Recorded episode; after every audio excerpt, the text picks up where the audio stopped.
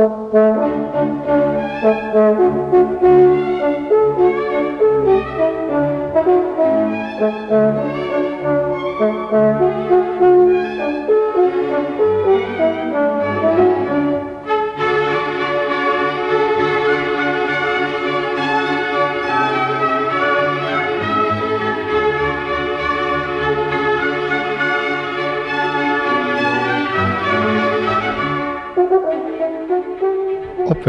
naar het licht. Welkom luisteraar in ons familieprogramma van de Stichting Adulam in Curaçao. Het thema van deze uitzending is Liefhebbers van de waarheid contra leugengeesten.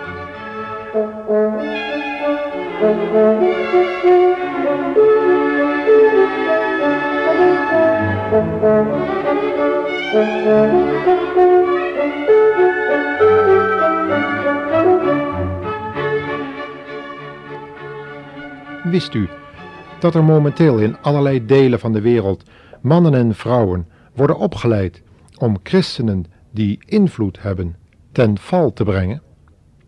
Het is opmerkelijk dat het ten val komen van christenen tot de mogelijkheden behoort, hoewel Gods woord hierover het volgende heeft beloofd. Luistert u maar mee. God kan ervoor zorgen dat u niet struikelt. Hij kan u zo ver brengen dat u zonder gebreken en vol blijdschap voor zijn schitterende troon komt te staan. Dat is dus Gods kant, luisteraar. Zijn aandeel in onze heiligmaking hier op aarde. Maar Paulus beschrijft in de eerste brief aan de christenen in Filippi het volgende. Vrienden, toen ik bij u was, deed u altijd wat ik zei. Doe dat dan nog veel meer nu ik ver weg ben. Zet u uit ontzag voor God volledig in voor een gezond geestelijk leven. God is onder u aan het werk. Hij zorgt ervoor dat u hem graag wilt gehoorzamen en dat u ook doet wat hij van u vraagt. Zo bereikt hij zijn doel. In deze paar zinnen zien we zowel de werkzame genade van God in het behouden van zijn gehoorzame kinderen, als hun eigen verantwoordelijkheid ook werkelijk te doen wat God van hen vraagt. En hier komen de misverstanden onder christenen tevoorschijn. Ziet u ze al komen, luisteraar? Wellicht komen de vragen reeds nu ook in u omhoog borrelen. Want als God in u werkzaam is omdat u voor de Heer Jezus hebt gekozen, hoe zit het dan met uw falen, uw menigvuldige struikelingen en die gevoelens van wanhoop en het niet meer zien zitten? Waar is die werkzame kracht onder bijbelgetrouwe christenen, waarover Paulus steeds spreekt in zijn brieven?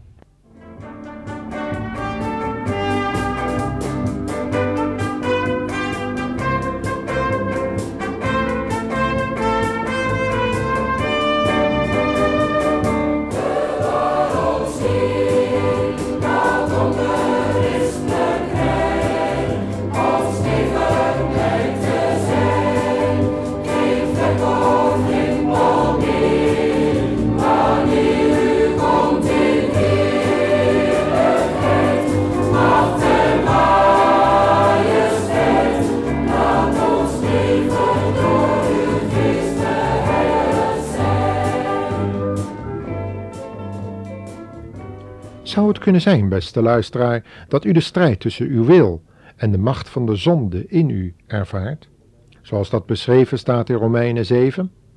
Lees dat hoofdstuk eens biddend door en vraag of God hij uw verstand wil verlichten voor het antwoord op deze belangrijke vraag. Hij geeft dat antwoord vast. Beter gezegd, hij heeft het al gegeven en u kunt het zelf opzoeken in datzelfde hoofdstuk. God is niet zo ver van u verwijderd als u dacht, maar heel dicht bij u, in uw mond, zelfs in uw hart. Tenminste, wanneer u uw zonde vooraf hebt beleden met berouw en een vaste wil ervan verlost te worden. Zichtbaar geworden in de daad van overgave en aanneming aan en van de Heer Jezus. Lees in dat verband deze Johannes 1 vers 12. Het thema voor vandaag is in het kort waarheid contra leugen. Iets van deze confrontatie hebben we nu reeds besproken. Maar we willen dit thema uitgebreider met u doornemen, in verband met het grote belang ervan.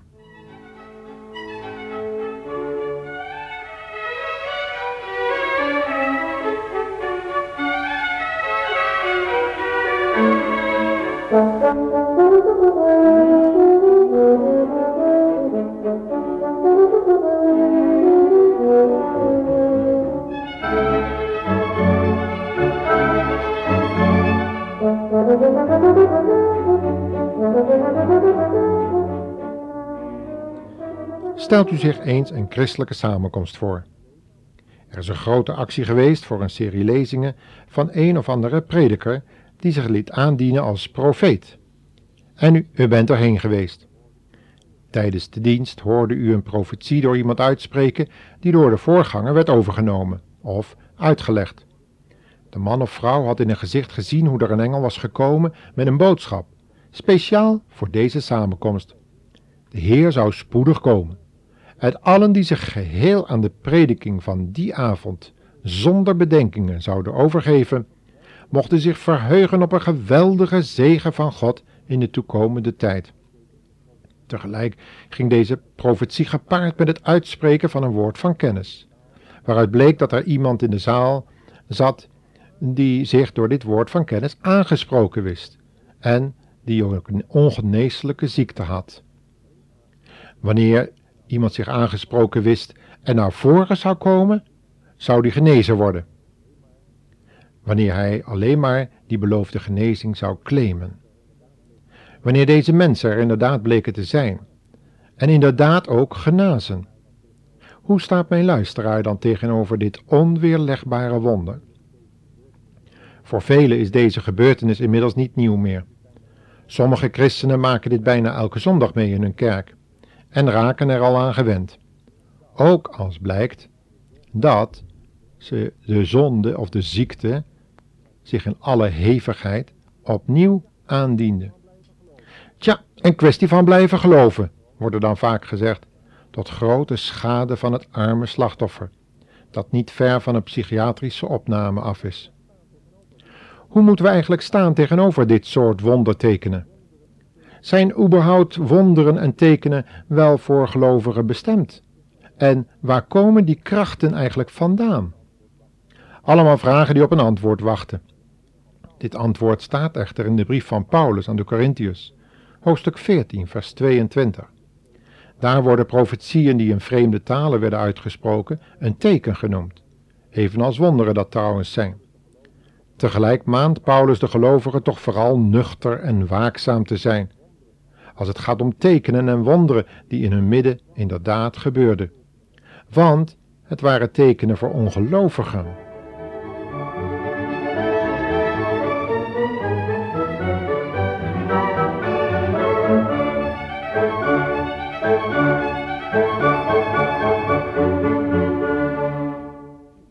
De gelovigen hadden profetie nodig, tot stichting, vermaning en vertroosting. Niet het toekomende gebeuren stond hierin centraal, maar de opbouwing van de gemeente. Natuurlijk predikte een toenmalige profeet in het midden van de gelovigen de spoedige komst van de Heer Jezus, evenals nu. Maar het ging om een zodanige prediking dat gelovigen werden opgebouwd in het geloof en zodoende staande konden blijven in de strijd tegen Satan, zonde, verleidende machten en de invloed van wereldgeesten. Wat zij en wij nodig hebben is de gave van onderscheiding der geesten. En daar wil ik mijn luisteraar graag iets meer over vertellen. Toen Paulus de gelovigen in Kolosse moest vermanen toch vooral niet te veel in te gaan op wat engelenverschijningen te zeggen hadden, en alles toch vooral te toetsen aan het geschreven woord van God, topte de gelovigen in Thessalonica met het feit dat er gelovigen overleden waren terwijl de beloofde komst van de Heer Jezus was uitgebleven. Er waren geruchten binnen de gemeente in omloop dat de oordeelsdag van de Heer Jezus was aangebroken en het dus voor de ontslapen geliefden nu te laat zou zijn om de Heer tegemoet te gaan in de lucht. Ook tegenwoordig zijn er gelovigen die leren dat er sommige christenen zijn die helaas niet tot de bruid van Christus kunnen behoren, maar genoegen moeten nemen met een lagere positie, die van de vriend van de bruidegom. Dit wordt gezegd van ontrouwe, in heiliging nog niet volwassen geworden gelovigen. Toch krijgen ze nog een kans om zich te bezinnen. Ook na de opname van alle geheiligden in Christus. Binnen de kringen van de Thessalonikers deden dergelijke leringen de ronde, zodat sommigen moedeloos waren geworden omdat hun geloofsleven door deze leer een knak had gekregen. Paulus maand daarom de gelovigen toch vooral de geesten te beproeven.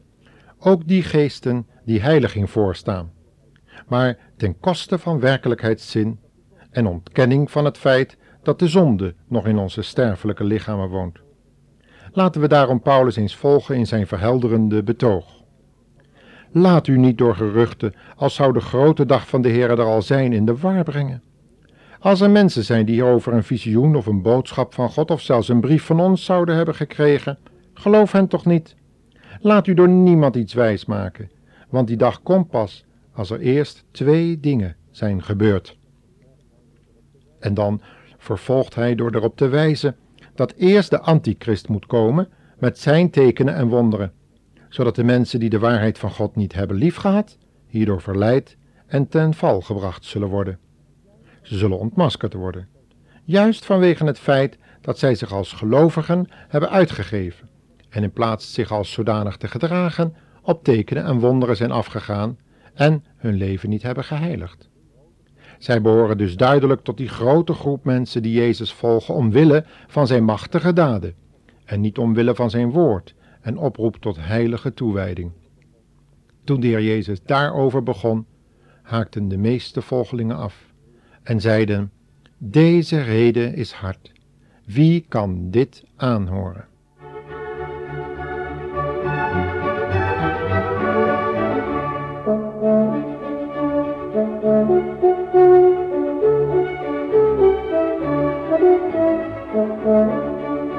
In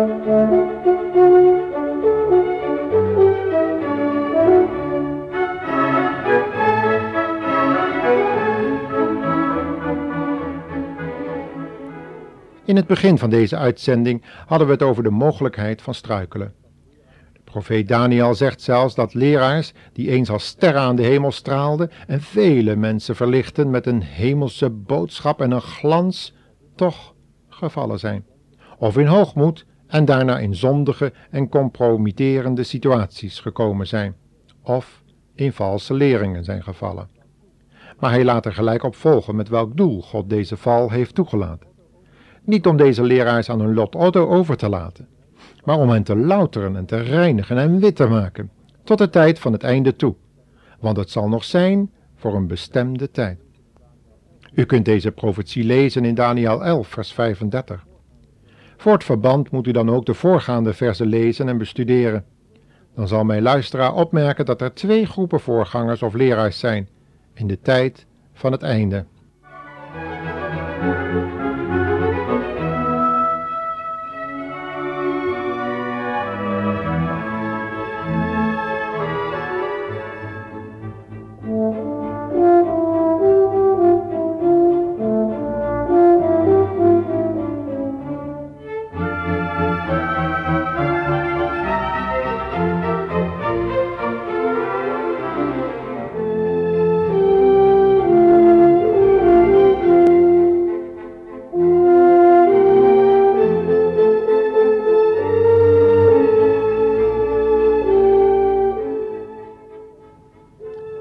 Ene groep zal gekenmerkt worden door vervolging, verdachtmakingen, slachtoffer van geweldplegingen en geteisterd door zwakheid, ziekte, moedeloosheid en daardoor in zekere zin zullen vallen, zodat hun getuigenis niet meer gehoord wordt.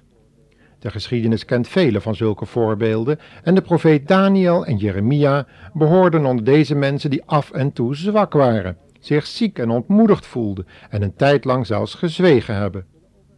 Maar deze getuigen zullen overeind geholpen worden, zegt de tekst.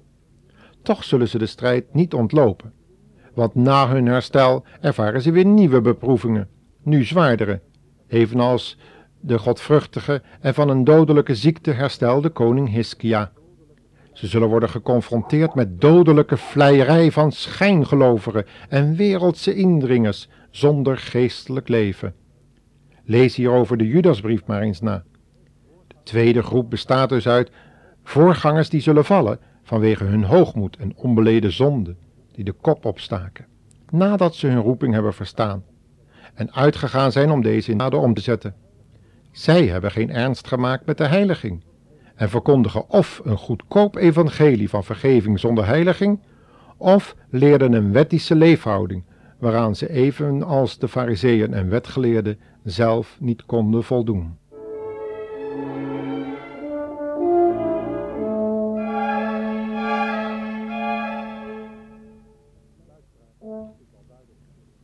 Luisteraar, het is wel duidelijk. Het blijft een strijden. Niet tegen vlees en bloed in de eerste plaats, maar tegen de geweldhebbers deze eeuw en de machten van de duisternis. Blijf strijden, beste vriend of vriendin. Blijf zien op de overwinnaar, onze Heer Jezus Christus, die om de heerlijke prijs die hem voorgesteld was, het kruis heeft verdragen, de schande heeft veracht om uiteindelijk te kunnen gaan zitten aan de rechterhand van God in zijn troon. Daar is ook uw bestemming, mijn christelijke luisteraar, en uw einddoel. Als u maar blijft geloven in de kracht van God die in u werkt met macht, dan zult u voor struikelen behoed worden. Laat God toe in u te werken. Geef hem de eer die hem toekomt, ook als het moeilijk wordt. Zie uit naar zijn komst. De komst van de Heer Jezus Christus en uw verlossing die heel dichtbij is. with